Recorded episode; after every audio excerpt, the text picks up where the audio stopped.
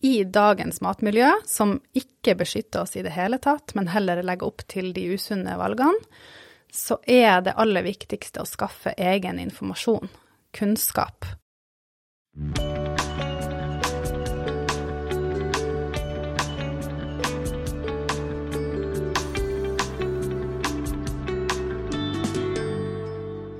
Hjertelig velkommen til podkasten Leger om livet. Mitt navn er Anette Dragland. Jeg jobber som lege, og jeg driver Leger om livet-podkast fordi jeg ønsker å gjøre nyttig og viktig og god kunnskap lett tilgjengelig for alle i dette landet. Med meg i dag som gjest har jeg hun Maja Skogstad. Hun har master i samfunnsernæring og driver Barnematbyen, som gir kunnskap til foreldre som ønsker å ta gode matvalg. Hun har fokus på å spise råvarer og begrense ultraprosessert mat, og driver også en veldig god og informativ Instagram-konto ved navn Ernæringsmamma. Hun har nylig skrevet boka 'Barnematrevolusjonen', som handler om å frigjøre seg fra matindustriens grep og ta gode valg for seg selv og barnet sitt. Hjertelig velkommen, Maja. Tusen takk, Anette. Wow, du har skrevet bok. Gratulerer. Tusen takk. Hvorfor har du skrevet boka 'Barnematrevolusjonen'? Det er fordi jeg mener at eh, alle foreldre fortjener å vite hvordan de kan ta gode valg for eh, seg sjøl og for barna sine. For det er en utfordring nå til dags at veldig mange matvarer i eh, butikken sunnvaskes. Det vil si at de utgir seg for å være sunnere enn de egentlig er. Mm. Med diverse helsepåstander og Matindustrien har nok også en uh, finger med i spillet når det kommer til uh, den første barnematen, da. Vi blir jo gjerne anbefalt å gi uh, ultraprosessert, søt kjøpegrøt mm. som den aller første maten. Mm. Og det mange kanskje ikke er klar over, er at de smakene som vi gir før barnet fyller to år, setter på en måte litt grunnlaget for hva de kommer til å foretrekke mm. seinere. Mm. Så eh, sånn sett er det jo helt genialt for eh, matindustrien å på en måte ta barna før de blir, eh, kommer i alder, hvor de blir mer eh, neofobisk og skeptisk til ny mat. Det er mange foreldre som klør seg i hodet og lurer på hva er det egentlig som skjer når barnet blir to år og plutselig avviser maten. Ja. Men det er også en fase som så å si alle barn kommer i. Neofobisk ja. periode ja. fase. OK. For barn har ulike smaksfaser. Så i starten så er de åpne for det meste, og da er det veldig nyttig for oss foreldre å få inn flest mulige forskjellige råvarer. De mm. trenger jo å lære seg eh, smaker som bittert, mens de har en naturlig preferanse for søtt, fordi morsmelka er søt og inneholder laktose. Mm. Så det er ikke en smak som de trenger å lære seg. Så bitre smaker, sure smaker, gjerne. Så mye som mulig av de typer råvarene i det første leveåret før den neofobiske fasen starter. Altså, så det er lurt å få inn denne maten tidlig, sånn at de lærer seg å like det? Ja, du, du vil i alle fall øke sjansen for at barnet kommer til å like flere matvarer også seinere. Men det vi egentlig gjør, er at vi gir de veldig søte grøter. Ja. Eh, som gjør det vanskeligere kanskje for foreldrene å implementere det i den fasen som kommer i toårsalderen, der den neofobiske fasen starter, og de blir mer skeptiske til mat. Mm. Oi, dette var interessant, Maja. Men altså, du, eh, du går jo eh, ganske hardt mot en stor industri.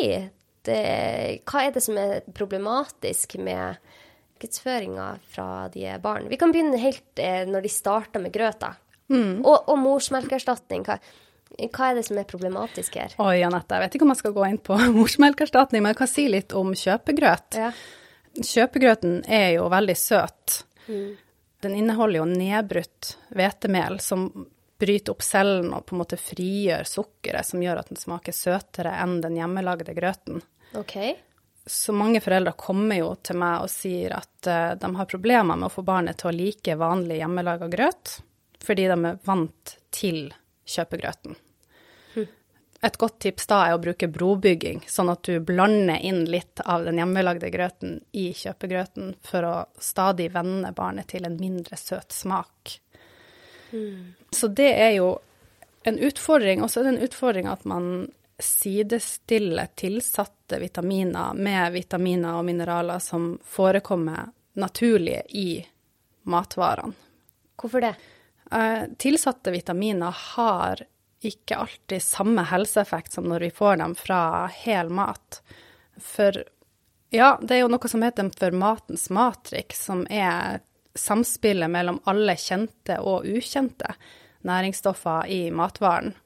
Mm. Og de til sammen vil gi en helseeffekt som man ikke klarer å kopiere når man lager de her vitaminene og mineralene i form av tilskudd. Og veldig mange kjøpegrøter inneholder jo en rekke med tilsatte vitaminer, da. OK. Ja. OK. Du sier veldig mye her eh, ja. som er eh, sikkert nytt for veldig mange. For det første at kjøpegrøt er søtere enn den grøten du lager selv. Det er jo de færreste klar over. Mm. Og at barnet da blir vant til en søt grøt mot denne hjemmelagde grøten, at det kan gjøre at det blir vanskeligere for dem å innføre annen type mat etter hvert. For man er så vant til denne veldig moste, myke, mm. deilige, søte grøten.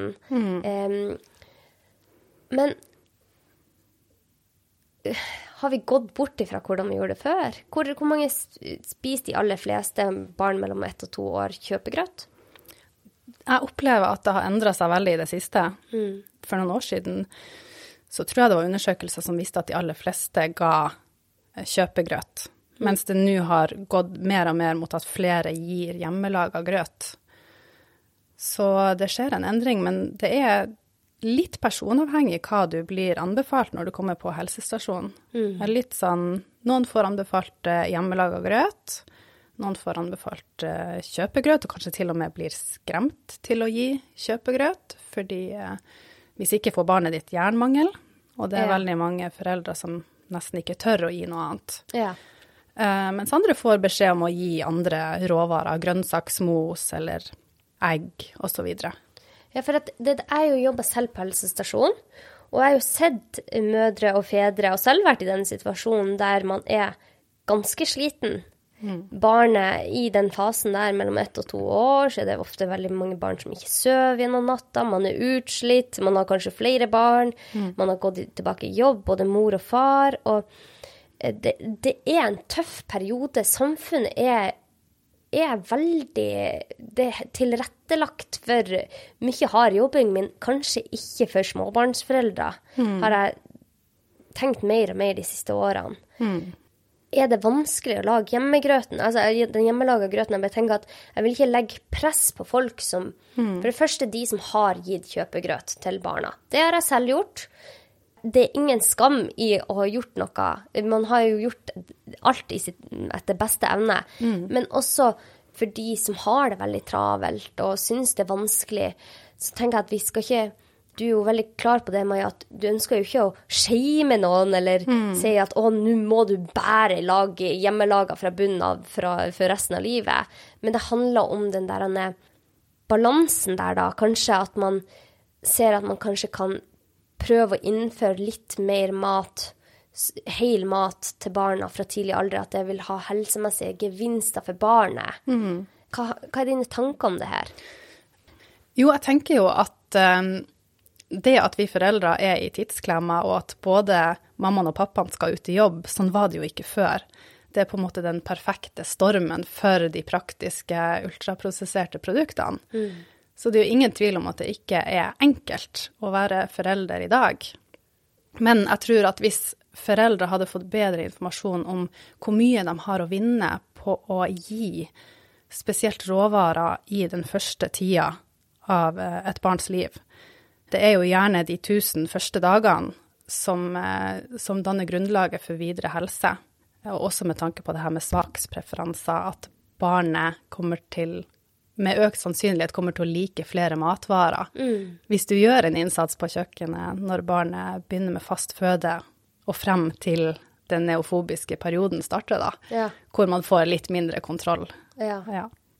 OK. Så hva er de helsemessige fordelene? For du sier at det er så mange helsemessige fordeler. Vi oppsummerer det før vi skal videre. Helsemessige fordeler med, med råvarer, tenker du? Nei, med å starte tidlig. Eller hva er alle disse Ja. fordelene med å starte tidlig? Det er jo det med at uh, de, smak, altså de matvanene som barnet får når det er liten, tar det gjerne med seg inn i voksenlivet. Og så er det det at uh, tarmfloraen etableres rundt to-tre års alder. Og det betyr at den har en sammensetning som ligner på sånn som den er når den blir voksen. Flere fordeler. Jo, råvarer er jo Spiller jo inn på humøret og på, på helse. På så mange måter. Så hvordan kan man lage grøt eh, lett? Er, det er, For det er jo mye snakk om det, det du sa med jern. Får, kan man få i seg nok jern uten å kjøpe, eh, kjøpe sånn eh, butikkgrøt? Ja. Jeg tror det som stopper veldig mange fra å gjøre det, er fordi at de ser at jerninnholdet bak på pakken er mye høyere på kjøpegrøten enn på jernrikt korn. Men det som kanskje ikke så veldig mange vet, er at det er veldig stor forskjell i eh, opptak i tarmen. Så det tilsatte jernet i kjøpegrøten er ikke like biotilgjengelig, sier vi, som jern fra kornet. Så, eh, så det er forska på om man ser at barn får nok jern i seg hvis de spiser grøt med jernrike korn. Ja, hvis du beregner på en måte hvor mye jern som blir tatt opp fra tilsatt jern kontra jern fra jernrikt korn som havre, hirse og bokhvete, så vil du klare å få i barnet ditt nok jern. Ja, for det må ikke bli komplisert. sant? Med en gang det blir komplisert at man, jeg må eh, lese bakpå hisjen hvor mye jern det er, så blir jeg som mor veldig usikker. Får de nok? Og herre min, han ser jo litt bleik ut, og eh, bør jeg kanskje kjøpe kjøpegrøten? Så hisje, sier du, er jernrikt. Havre er jernrikt. Hva mer er jernrikt? Ja, det er vel de vanligste. Og så vil jeg også nevne bokhvete, som kanskje er litt sånn undervurdert. Spesielt hel bokhvete er kjempegodt. Det er sånne små nøtteaktige perler. Og så må vi på en måte ikke bli så fokusert på jern at vi glemmer alle de andre næringsstoffene heller. For bokhvete inneholder jo også veldig mange andre typer næringsstoffer som er bra for oss. Men det skal sies, når det kommer til jern, så er det jo faktisk den animalske maten som er best biotilgjengelig i tarmen. Det er den mest effektive måten å få opp eh, jernnivåene på. Så man kan jo stille seg spørsmålet egentlig om hvorfor blir vi anbefalt å gi grøt som den aller første maten, hvis vi kun skal se på jern, da. For jernmangel er jo en reell bekymring. Men hvis det kun er det som er veldig viktig, så hvorfor er det grøt og ikke animalsk mat vi anbefaler? Det jeg ser for meg hvordan man gjorde det rundt bålet før i tida, var at man hadde jo ikke noe sånn miksmaster som man eh, fresa all maten vi spiste. De barna de fikk morsmelk, og så, når de begynte å bli interessert i mat, så ser jeg for meg at liksom mor tygde maten, og så ga det til barnet så det var ferdigmost. Eh, at det var en sånn naturlig måte at barnet spiste det mor spiste. Og det ble jeg mye mer obs på med nummer to at han skulle spise det vi spiste, så jeg bare moste den maten som vi spiste til middag. Og da blir det mindre komplisert, Ja, Maja. Fordi ja. at hvis vi skal drive og lage én middag til det ene barnet, og så en middag til det andre, og så en egen middag til oss, så blir det veldig komplisert, og vi, vi må gjøre det enkelt. Så det er en kjempeenkel måte å gjøre det på, er bare ha en stavmikser, og så mos sammen alt du spiser på den tallerkenen, Ja. og så gi til barnet. For det, da, da gjør det det gjør det så mye enklere. Og så tenker jeg at det er Ja, det er kanskje industrien sin, eh, sin bragd, det her med at vi blir så usikre. Vi blir så usikre på hva vi skal gi barna våre. Før i tida så var man jo ikke sånn usikker på det. Jeg kan ikke se for meg at de satt på 60-tallet og så bak på pakken om det var nok jern eller mineralstoffer for barnet sitt. Det, var, det var en naturlig prosess her. Så ja. Jeg har jo sett i sånne gamle spedbarnsbøker fra Nestlé. Da fikk jo de lov til å ha bøker om fast føde på helsestasjonen. ja. Der står det jo sånn at uh, kjøp Nestlé barnemat på glass fordi vi vil klare å gi barnet ditt mye større variasjon enn du sjøl vil komme til å klare. Mm. Så de spiller jo veldig på den her med at den frykten, da, Ja. som vi kanskje har Ja. for å ikke gi barnet god nok mat. Hmm.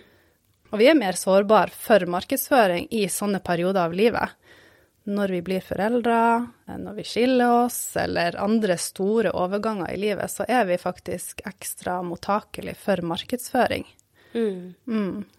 Ja, det er en veldig sårbar tid. Jeg husker det selv. Man er sårbar. Man, altså er man usikker, og det er så mange råd. Det er så mange meninger om hvordan vi skal drive barneoppdragelse, hva vi skal gi barna våre, hva vi ikke skal gi barna våre, hvordan klær hvordan, Altså, det er, det er så vanvittig mye informasjon de første årene i et barns liv. Så det er jeg så opptatt av, at vi skal gjøre det enkelt. Og det gjør jo du og Maja. Bare, bare gjør det enkelt. Det trenger ikke være komplisert. Men jeg tenker får, Hvordan står det til med oss i Norge?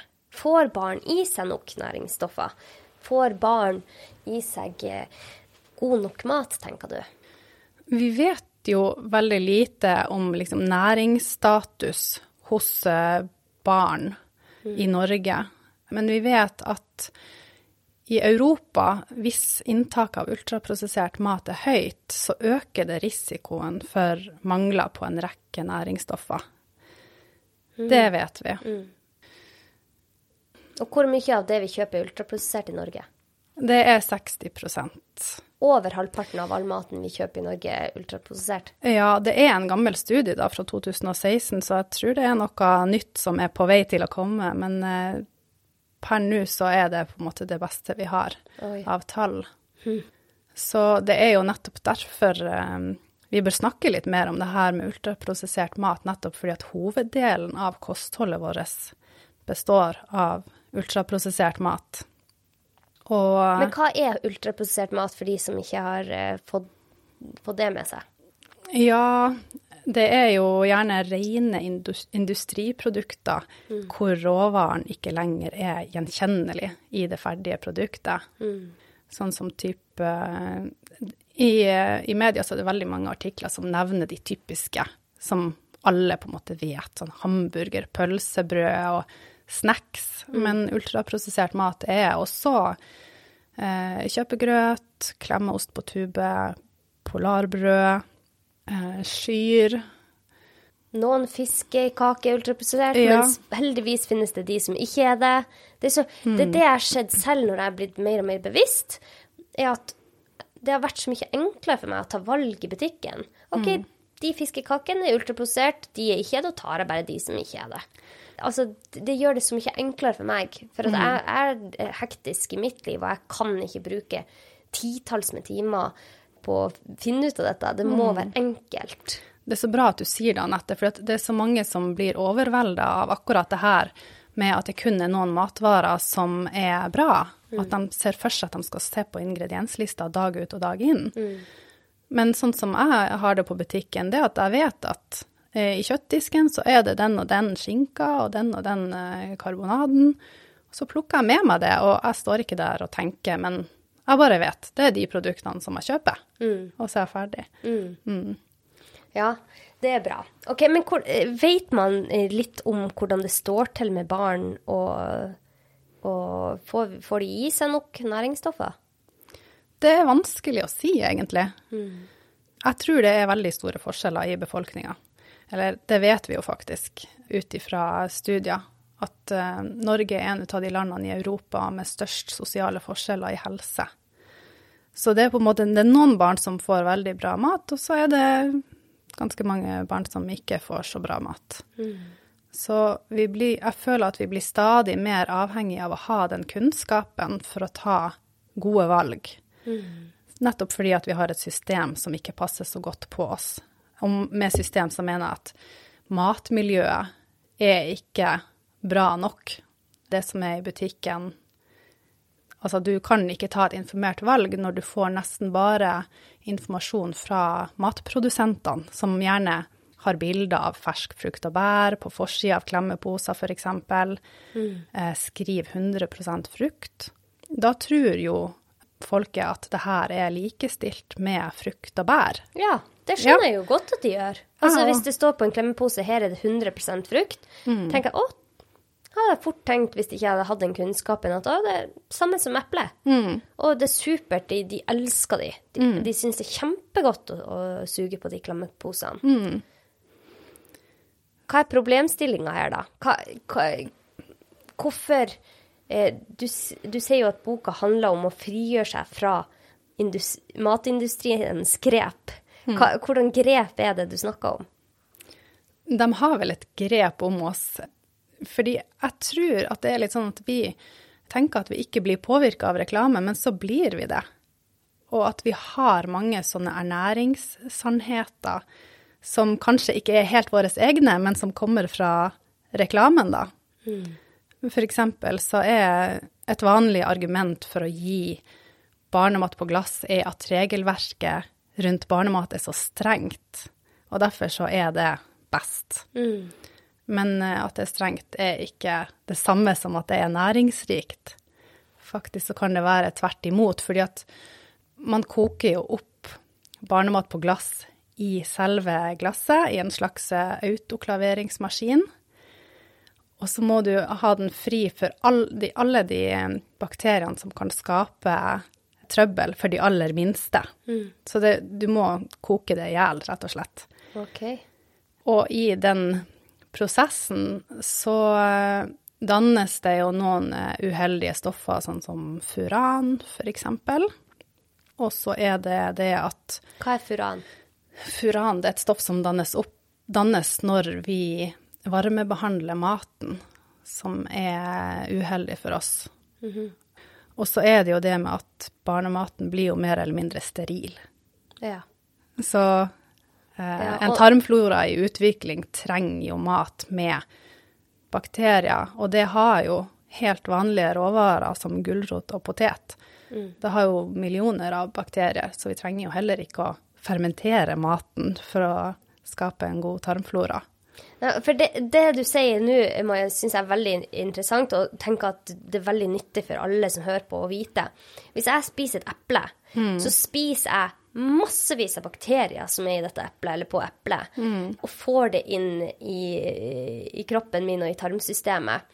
Og i et helt eple så er det masse næringsstoffer som er bevart. Det er hel, ren mat. Vi, våre tarmbakterier kommuniserer med denne maten, bryter den ned. Det er, det er utrolig mye spennende som skjer bare ved å spise et eneste eple. Men hvis vi spiser en, ja, et eple som er laga på den måten som du beskriver, så har den mista all cellestruktur. Den har mista all form for bakterier, så våre tarmbakterier vil ikke kommunisere med denne matvaren på samme måte. Og den har gjort at denne maten er på en måte nesten ugjenkjennelig i forhold til hva et eple er. Eh, og, og det er veldig greit å liksom bare visualisere hvor stor forskjell dette vil si for tarmen til et barn eller en voksen. Vi har trillioner bakterier i vår tarm som går gjennom vårt tarmsystem, og som Det skjer utrolig mye spennende og vanvittig mye eh, artig når man lærer om dette systemet. Mm. og dette systemet er laga for å spise ren, hel mat. Fordi at vi har utvikla tarmsystemet vårt under en mange, mange, mange årtusener med evolusjon. Den er vant til å spise ren, hel mat. Og så de siste 40-50 årene så har det plutselig blitt en kjempestor endring i hva vi gir disse tarmbakteriene. Plutselig så gir vi ikke de mat som de kjenner igjen. Det er bakteriefritt, det er sterilt. Det, er helt, det, det har jo aldri skjedd før. Det er, det er ikke cellestruktur igjen i det. det er, tarmene vet ikke helt hva de skal gjøre med det, og det man ser er at tarmfloraen endrer seg veldig kjapt etter hva man spiser. Så spiser man veldig mye ultraprosessert mat, og du sier at noen av disse kjøpegrøtene er ultraprosessert, så vil man få en annen tarmflora enn hvis man spiser en, eh, et kosthold basert på ren, hel mat. Og det er ganske fascinerende. Så ser man også det at hvis man spiser et kosthold med mer råvarer, mer ren, hel mat, så får man tarmbakterier som er gunstig for oss. Som samarbeider med vår kropp på en god måte. Samarbeider med våre celler og eh, vårt hormonsystem, vårt eh, immunforsvar. Eh, men så ser man også at bakteriesammensetninga for de som spiser mye ultraprosessert mat, kan bli helt annerledes og ha mer oppvekst av disse bakteriene som ikke er så bra for oss, og som ja, er uheldige rett og slett for helsa. Og jeg tror veldig mange, når de hører på deg, Maja, og du sier kjøpegrøt kan være ultraprosessert, så får de helt sjokk, for det har man aldri tenkt på. For det står jo ikke så veldig mye på baksida av dette glasset. Det står jo havre, banan, eple, sviske. Altså, det står jo ikke så mange ingredienser. Nei, ikke på de her barnemat på glassene. Der står det ikke så mye ingredienser. Men eh, på kjøpegrøten så kan du nok se en del forskjellige ingredienser, blant annet maltodekstrin, tror jeg det er. Og det er en form for tilsatt sukker. Men det, jeg tror det er så lett å glemme at matmiljøet har endra seg så kjapt. Og vi har på en måte tatt til oss de her barnematproduktene så godt at vi liksom knapt har uh, rukket å tenkt over hva er det egentlig som har blitt gjort med maten. Og det er jo ikke sånn at foreldre får så veldig god informasjon om det heller. Hva er egentlig forskjellen på hel frukt og bær og klemmepose? Så jeg skjønner godt at det er det de fleste har gjort. De har gitt den her typiske barnematen da, fra tørrvarehylla eh, som barnemat. Den er jo aldersmerka, det gir en ekstra trygghet ikke sant, til foreldre som er litt usikre. Tilpassa konsistens, sånn at man på en måte slipper å tenke og ja. Du vet barnet vil like det. Ja, det er jo ingen tvil om. Å ja, dette er Det er en stor industri du går imot av. Kjenner du på det? De spiller jo ikke akkurat på lag for bedre helse, føler jeg. Det er jo ofte økonomi som kommer først, og i markedsføringa si så, så er de jo ikke ærlige. De aller færreste er ærlige i markedsføringa si. Hva det vil si?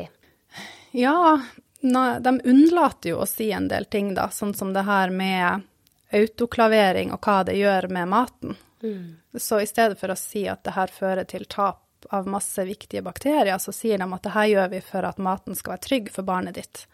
Ja, men egentlig så er det for å ha veldig lang holdbarhetstid, eller eh, Her er det jo todelt, da. Maten må jo være veldig trygg for de aller minste, for at det ikke skal eh, eh, bli noen infeksjoner og sånne ting. Men det er det som kreves. Den lange varmebehandlinga kreves for å kunne gi trygg og veldig holdbar barnemat. Så kan man jo stille spørsmål ved liksom, burde vi ha barnemat som har så lang holdbarhet? Eller kanskje man burde prøve å få på plass ferskere alternativer? Sånn som eh, Jeg må jo nevne Grogro i samme slengen, der de kaldpresser de her klemmeposene.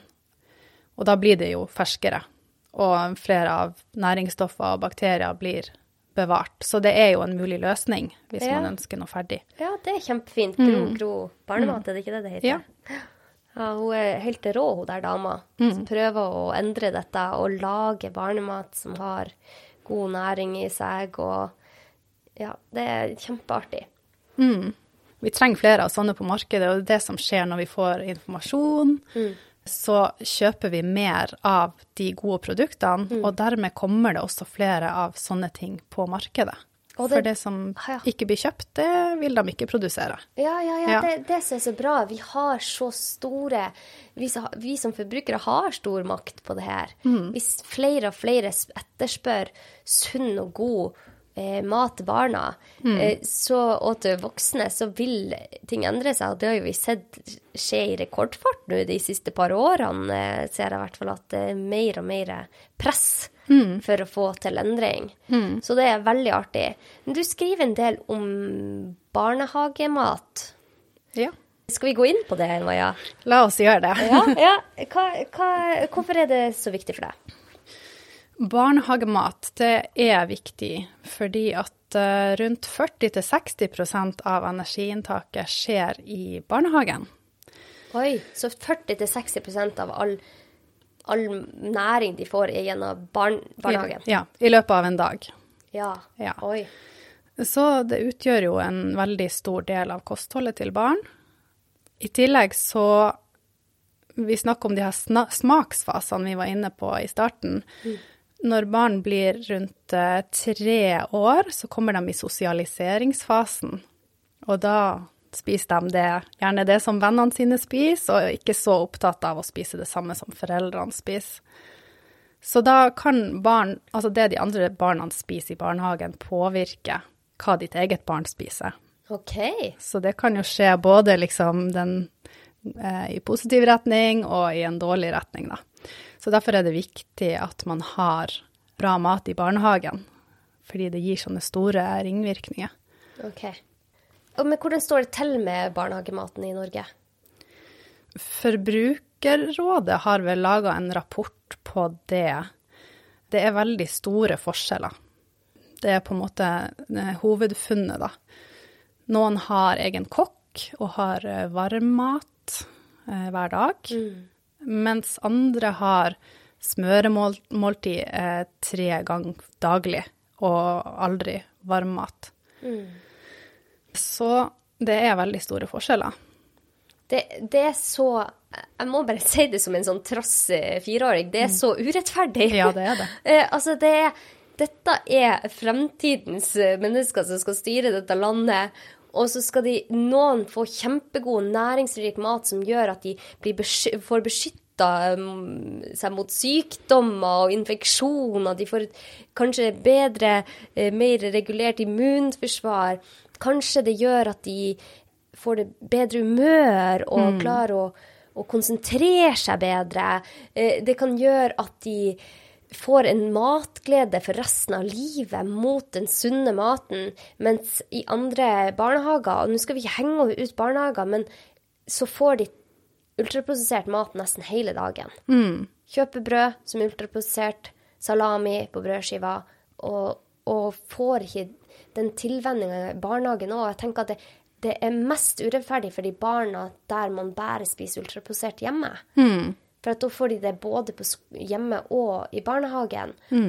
Når vi vet hvor viktig maten er for at vi skal leve sunne, friske liv, så syns jeg det er merkelig at ikke dette er bedre regulert. Jeg ser hos- i barnehagen til min sønn, der får de varmmat hver dag. Hvor fantastisk er ikke det at det er en kokk der som gir dem mat fra bunnen av? Det er bare jeg blir så glad for det. Men min andre sønn han var i tilvenning i en barnehage som jeg valgte å ta han ut av etter to dager, hvor det var altså helt utelukkende ultraprosessert mat. Og de spiste hver dag etter måltidene, og i fruktstunder, for de har jo fruktstund, så får, fikk de ikke hel frukt, de fikk rosiner og tørka frukt. Ikke, ren, ikke noe form for hel frukt. Og jeg valgte å ta han ut av den barnehagen av flere grunner. Men det, det er viktig for meg å presisere at det ikke er de ansatte egentlig sin eh, jobb å passe på det her. De har nok med å være pedagoger for barn. Det er en kjempekrevende jobb å jobbe i barnehage, og de gjør en så utrolig viktig jobb. Men at ikke det er et system som er lagt opp sånn at alle barnehager er pålagt å ha så og så mye fersk mat, f.eks. Det, vil gjøre- det vil gjøre så mye bra for våre samfunn. Og at ikke politikerne ser hvor mye vi har å vinne på dette, og hvor mye mindre sykdom vi kommer til å få hvis barna våre får god mat. Det er jo forebyggende folkehelsearbeid som må på agendaen, som blir nedprioritert. Det ser vi jo også i, i statsbudsjettet, at det, det blir ikke prioritert. Det blir nesten som en salderingspost. Og som du sier, så er det jo systemet som er feil. Det er jo ingen krav til ernæringskompetanse i barnehagen. Og de som er utdanna innen pedagogikk, blir jo satt til å lage mat og kjøpe inn mat til barn. Så maten de velger, vil jo på en måte bare gjenspeile det som ellers er kulturen i samfunnet. Ja, ja. Og da, da biter man jo gjerne på de ultraprosesserte produktene, som igjen sparer dem for tid, fordi de også er pressa veldig på bemanning. Så de gjør jo det beste de kan Men eh, de har ikke helt eh, kortene med seg, da, Mm. for å kunne ta de gode valgene for barna. Hvordan kan vi endre dette, Maja? Hva, hva kan vi som foreldre gjøre? Eller hvis man er ansatt i barnehagen, det er masse pedagoger som hører på podkasten, og, og som ønsker endringer for barna i barnehagen. Mm. Hva, hva kan man gjøre? Du har en del gode tips. Ja, det jeg bruker å oppfordre til, er jo at foreldrene tar det opp med styrer, enten muntlig eller sender en mail. Og gjerne da med en hyggelig tone, selvfølgelig, og komme med løsningsforslag til hvordan det kan bedres. For det fins jo altså billigere og bedre pålegg enn f.eks. klemmeost på tube. Det har jo nesten, eh, nesten dobbelt så høy kilospris som vanlig ost, f.eks. Så eh, når det kommer til økonomi, så kan man gjerne spille mer på råvarene og de mindre prosesserte alternativene. Det er ikke nødvendigvis dyrere, men det er den kompetansen som må være på plass, da. Og da må man gjerne eh, opplyse om det i en mail eller muntlig, hvor man kommer med konkrete Ja, løsningsforslag. for hva er forskjellen på vanlig ost og klemmeost? Eh, Utfordringa med den klemmeosten på tube er at den har en veldig høy kilospris sammenligna med helt vanlig ost. Og så består den av 36 eh, fyllstoff, altså smeltesalt og, og sånne typer ting som ikke gir næring til kroppen. Så du får jo både mer næringsstoffer for pengene, og det er faktisk billigere med en helt vanlig ost. Og det må vi ikke glemme, for det her er jo en type industriskapt behov med klemmeost. Mm. Jeg vet at mange mødre som kommer fra andre land, klør seg i hodet når de ser at vi har tuber med ost og med rekesmak og med baconsmak, og lurer på hva i all verden er det her? Mens vi har blitt så fort vant til det og tatt det sånn til oss at vi nesten ikke ser for oss en hverdag uten. Ja, ja. Ja. Det, men det er jo så lett å tenke at ah, det er klemmeost, vanlig ost, det, de digger det. Det er vel det samme. Altså, jeg, jeg forstår at det er jeg forstår at det er vanskelig å navigere i dette mylderet av produkter og informasjon og motargumenter. og det, det, er ikke, det er ikke lett. Men når man vet det at OK, hvis de spiser vanlig ost, så spiser de ikke ultraprosessert.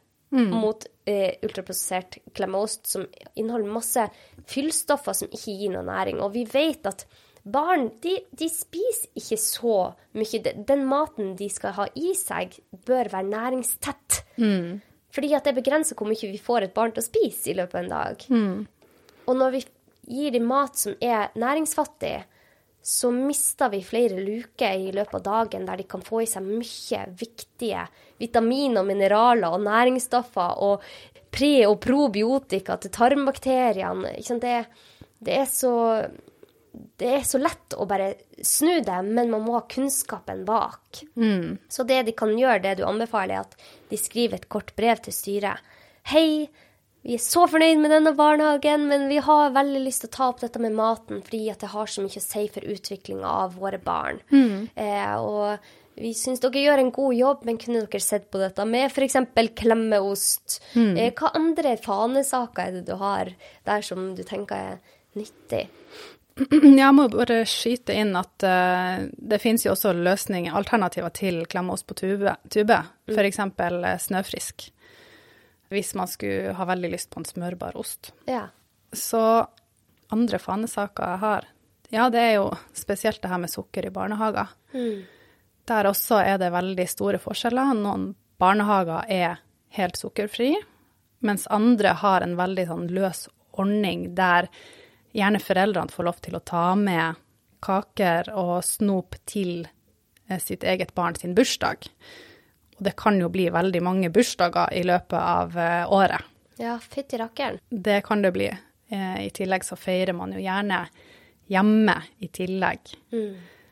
Og så kommer alle de andre anledningene selvfølgelig i løpet av året. Så det er jo den totale antallet anledninger som blir for mye for mange barn.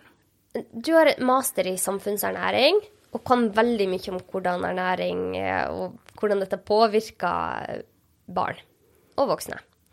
Hva er det som skjer hvis vi spiser for mye sukker? Hvorfor er det så farlig? Godt spørsmål, men eh, jeg tenker først og fremst at du reduserer jo appetitten til det ordentlige måltidet. Og siden barn har så små mager og høyt behov for næringsstoffer, så tar den jo opp plassen til det som egentlig kunne vært gitt. Mm. Det er det ene. Og så tenker jeg at det andre er at vi former hva de kommer til å like i fremtida. Mm. Hvis vi gir veldig mye sukker og søt mat tidlig, så er det det som de kommer til å like seinere òg. Mm.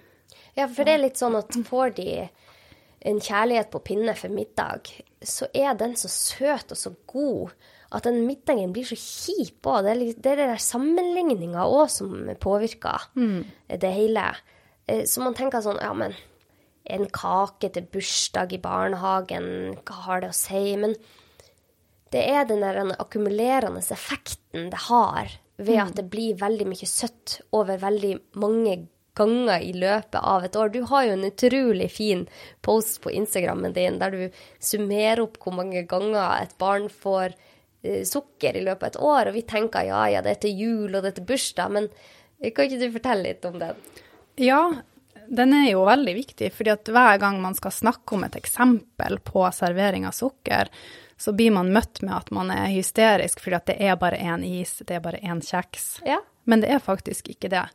Det er jo 52 lørdager i året, og så har du vinterferie, påskeferie, halloween, og du har eh, Juleferie. juleferie. Noen barn får desember, eller godteri desember. i hele kalenderen. Ja. Og spesielt sommerferien, issesongen. Mm. Mange barn får flere is om dagen. Så det blir veldig mye totalt sett, og det er ikke nødvendigvis alle som, som ser det.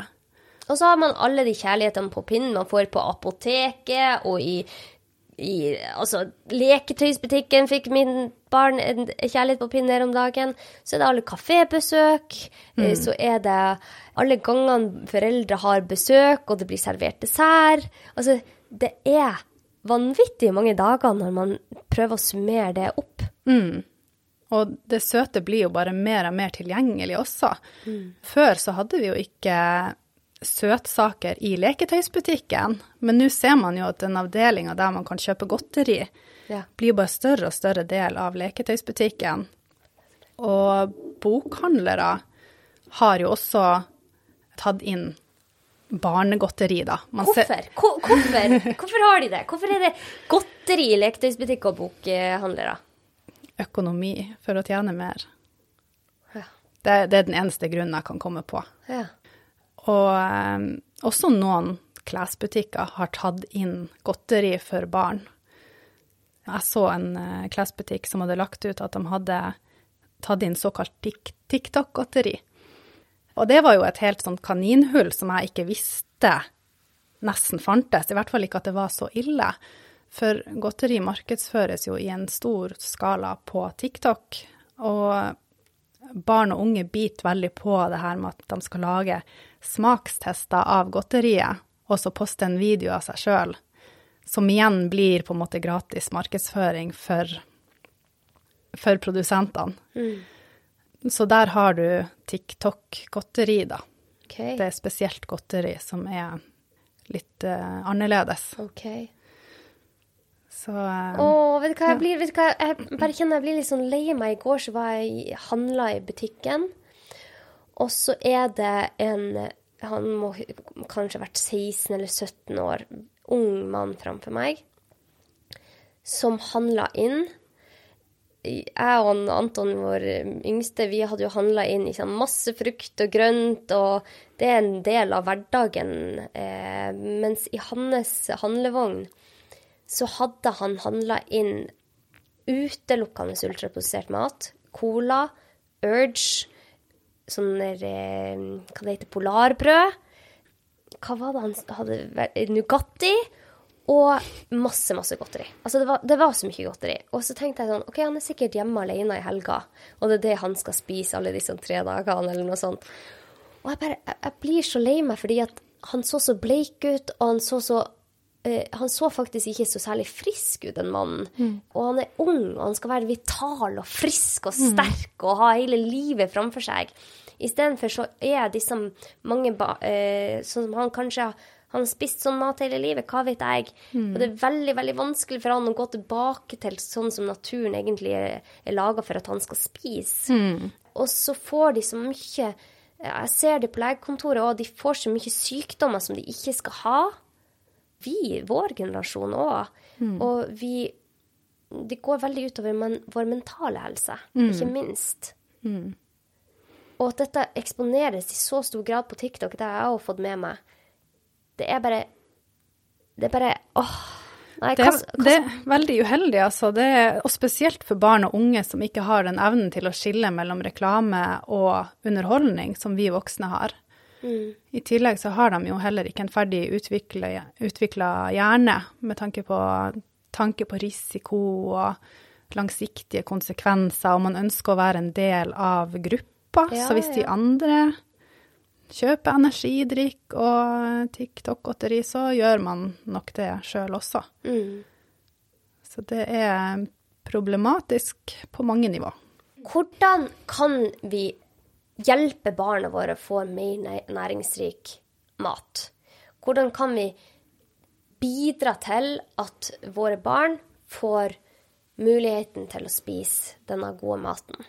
For at det som du sier, det er kjempemange barn jeg får foreldre som skriver til meg, de syns det er helt umulig å få i seg barna sunn mat. Det er nesten umulig å få dem i seg i en gulrot eller et eple, for at de liker det ikke.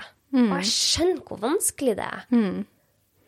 Jeg tenker i dagens matmiljø, som ikke beskytter oss i det hele tatt, men heller legger opp til de usunne valgene, så er det aller viktigste å skaffe egen informasjon, kunnskap.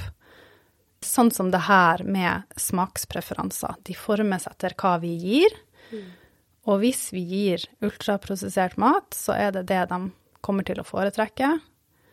Og et kjennemerke med ultraprosessert mat er jo at det er designa for å være lett å like.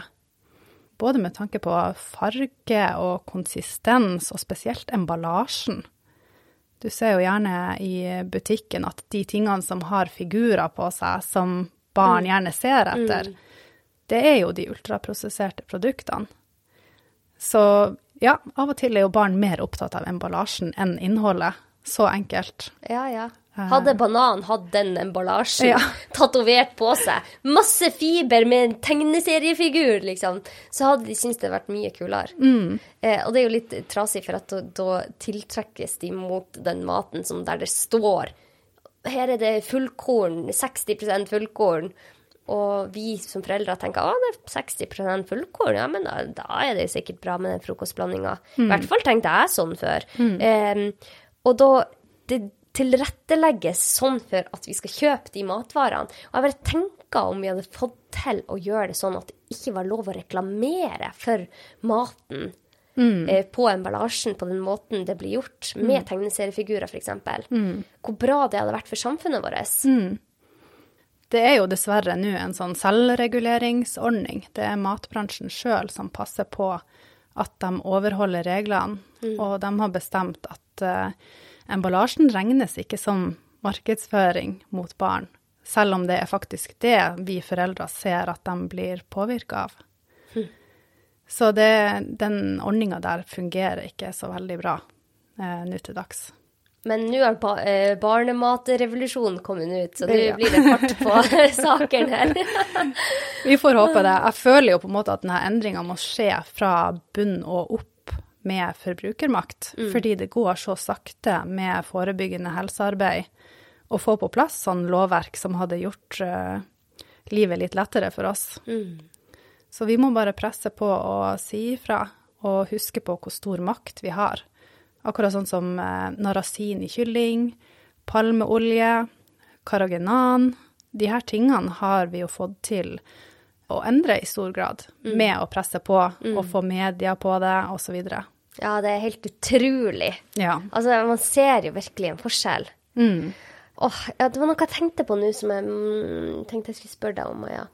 Ja, vet vi hvordan det står til med barnas helse med tanke på hvor mye vitamin og mineraler har de mangler? Vet vi noe statistikk på det? Nei, jeg, jeg vet ikke om det i Norge. eh, Om vi har noe statistikk på det. Det, vi, det jeg i hvert fall vet, er at jeg ser at flere og flere barn har mage-tarmplager. Ja. Og jeg ser at det er flere og flere barn som får avføringsmidler for å kunne gå på do fordi de er så forstoppa. Og man kan tenke sånn OK, ja, de barna sliter med forstoppelse, hvor galt er det? Men hvis man ser på studier, så rapporterer foreldrene til disse barna om betydelig redusert livskvalitet. De har ikke fått noen diagnose annet enn at de sliter med å gå på do. Men alle som har vært forstoppa, vet hvor ubehagelig det er, og de går med det kronisk.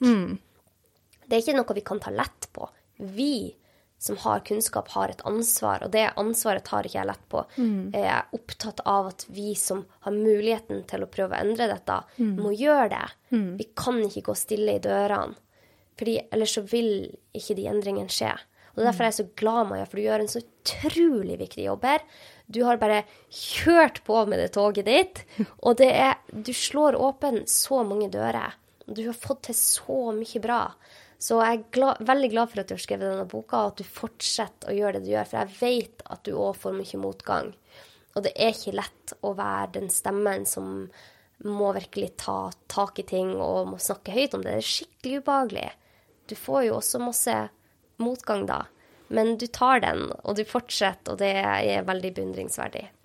Det er jo mange foreldre som er så takknemlige at det går jo ikke an å, å stoppe, da. så det er jo de meldingene som man får at eh, man har endra hele hverdagen, da. For det man kanskje ikke ser, er jo at maten man spiser, påvirker jo hverdagen. Sånn som forstoppelse. Man bekymrer seg og uh, må kjøpe avføringsmidler, og barnet kanskje sover dårligere på natta og ikke er 100% seg sjøl i hverdagen, fordi det er jo ekkelt å gå rundt og være forstoppa. Så maten vi spiser, kan spille en stor rolle for livskvalitet. Ja. Ja, det er viktig. Og så tenker jeg det er viktig å poengtere at hvis man har et barn som sliter med magen, så er det ikke mor og far sin skyld. Det kan være mange årsaker til at man sliter med magen, og det trenger ikke å ha med maten man spiser. Så verken jeg eller Maja er ute etter å gi noen som helst foreldre her ute skyld for eh, noe som helst, og heller ikke at man har gitt barna utelukkende ultraprosessert mat. Man vil bære det beste for sitt eget barn. Og man gjør så godt man kan med den informasjonen man har. Så det systemet vi er nødt til å endre, ikke gå på foreldrene. For foreldrene de gjør sitt aller, aller beste. Og det ser jeg på kontoret. Herre min, hvor mye vi gjør for våre barn. Vi er villige til å strekke oss ganske langt for at våre barn skal ha det bra. Ja, alle foreldre ønsker jo det. Det er, det er ingen tvil om det. Det er systemet. Mm. sånn så hvis man har et barn som strever med forstoppelse, sånn som jeg hadde, to faktisk, så er den løsninga man får, er jo avføringsmiddel, uten å komme noe nærmere til bunns i hva som kan være rotårsaken. Så siden jeg var så heldig å ha kunnskapen sjøl, og de ressursene som skal til, så fant jeg ut da at for mine barn så var det matintoleranser som lå til grunn for forstoppelse. Så den ble borte når vi kutta de matvarene som barna, barna mine reagerte på. Men det er jo ikke alle som er så heldige at de har en ernæringsutdannelse i bakgrunnen og, og kan navigere i den informasjonen som finnes på nett. Nei, herre min. Du har fem års utdannelse, og det er mye å sette seg inn i. Ja.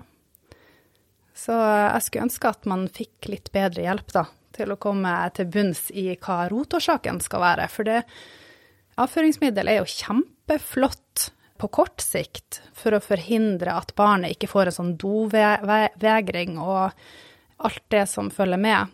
Men på lang sikt så må man jo begynne å se litt på hva er grunnen til at man får forstoppelse. Grunnen er jo aldri mangel på avføringsmidler, da, om man kan si det sånn. Ja, ja, Ja. ja. Oi, oi, oi. Og det, det, er ikke, det er ikke lett heller. For noen så er det ikke Det trenger ikke være intoleranse bak heller. Det er, det er Ja, det, det kan være så veldig mye. Men eh, jeg har også sett de barna som kommer, og der mor har gjort sitt aller beste, men bare gir de ris og kylling òg, for at hun tror at barnet reagerer på alt. Og det er òg veldig skummelt, ikke sant. Da får de jo ernæringsmangler og Ja, det um... Man blir jo i stor grad over, overlatt til seg sjøl, da, Mm, ja. med testing, hvis man ikke blir tatt på eh, alvor. Mm. Det trenger jo ikke å gå så veldig bra, det heller. Ja, det, det, det er i hvert fall mye som skjer nå. Det er mange som snakker om det. Og jeg hadde jo Karina Saunders inne, som er barnelege og er veldig opptatt av tarm og tarmflora og tar eh, doktorgrad i det nå. Og hun sier jo òg at det er utrolig mye. Hun sier som, som jeg kjenner, det er utrolig mye vi kan gjøre for å få at barnet får det bedre. Så det er så mye bra som skjer nå, og det er, det, det er veldig spennende tider vi går inn i. Før jeg lar deg få slipp, eh, så hadde jeg tenkt å spørre deg et siste spørsmål. og det var, hvordan, hvor, Har du noen råd til oss foreldre som er i denne tidsklemma, hvordan vi kan gi barna våre bedre mat, eller god og sunn mat, uten at det tar så mye tid? Det jeg bruker sjøl, det er såkalt eh, plukketallerken. Og da har du eh, en variasjon av forskjellige råvarer på et fat, sånn som avokado, du kan ha oliven, du kan ha sylta rødbet, sylta agurk, du kan ha en ostebit, en skinkebit. Sånne type, altså det er jo mer eller mindre ferdige matvarer, egentlig. Bare at du trenger kanskje å hakke det opp litt. Eller eh, kokt egg, for eksempel. Det er jo en eh, næringsbombe som har alle vitaminer unntatt vitamin C. Så det er en sånn veldig god sånn sikringsmatvare, føler jeg. Hvis du har et barn som tåler egg, så gi det, tenker jeg. Plukketallerken og det som du sier når barnet er lite, bare ta fra den middagen du har. Mos det eller tilpass det. Og hvis det blir noe til overs, så kan du fryse det ned i sånne isbitformer. Og så varmer du det opp neste gang barnet skal ha nytt. Så du trenger ikke å lage nytt hver eneste gang. Og også hvis du lager smoothie, så kan du fryse det ned i sånne tomme tomatpureglass. Og så tar du det opp og holder det under varmt vann, og så blir det klart på et par minutter. Så da slipper du mye oppvask og, og, eh, og sånne ting. Veldig mange gode tips. Det er så enkelt. og sånn som Når mine gutter kommer hjem, man er jo ofte sulten før middag, så bruker jeg bare ta en liten kopp, og så har jeg kutta opp masse forskjellige grønnsaker, og setter i sånne lange staver inn i den koppen, og så setter jeg det bare på gulvet der de leker. Og det, de bare forsvinner. Men hadde jeg liksom pressa det på de, da hadde de ikke villet spist den gulroten og den lange agurken der. Men det, er bare, det skjer noe magisk når man bare går stille mot de, setter den der, og så bare forsvinner man. Sier ikke et ord. Nettopp. Og det er jo den kunnskapen der om de nyansene, om hvordan man gjør det, som er på en måte nøkkelen til suksess. Så før middag, mens de leker, gi dem grønnsaker. Det er da de mest sannsynlig kommer til å smake på det. Når det er null press og appetitten er størst. Veldig bra. Er det noe mer du ønsker å fortelle oss før vi legger på for dagen? Jeg kommer ikke på noe. Hva, hva gjør du selv da, Maja? Hva gjør du selv for å ha det godt i livet ditt og leve friskt og ha det bra? Ja, godt spørsmål.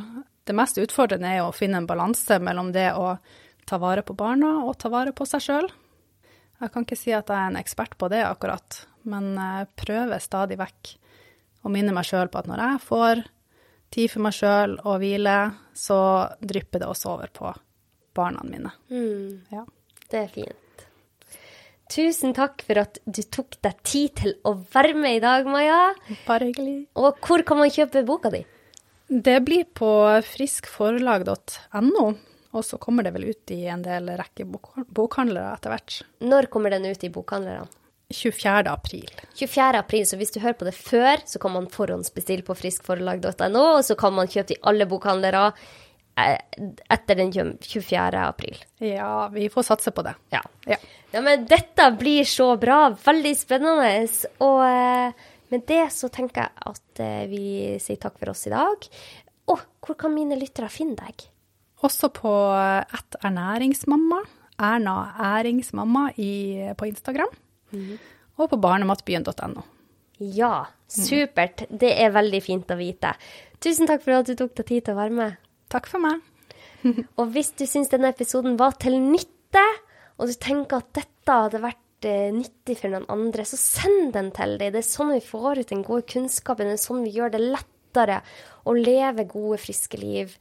Og um, med det så sier jeg takk for i dag. Tusen takk til deg som abonnerer, som gjør det mulig for meg å drive podkast. Og jeg ønsker deg en kjempefin dag. Ha det godt.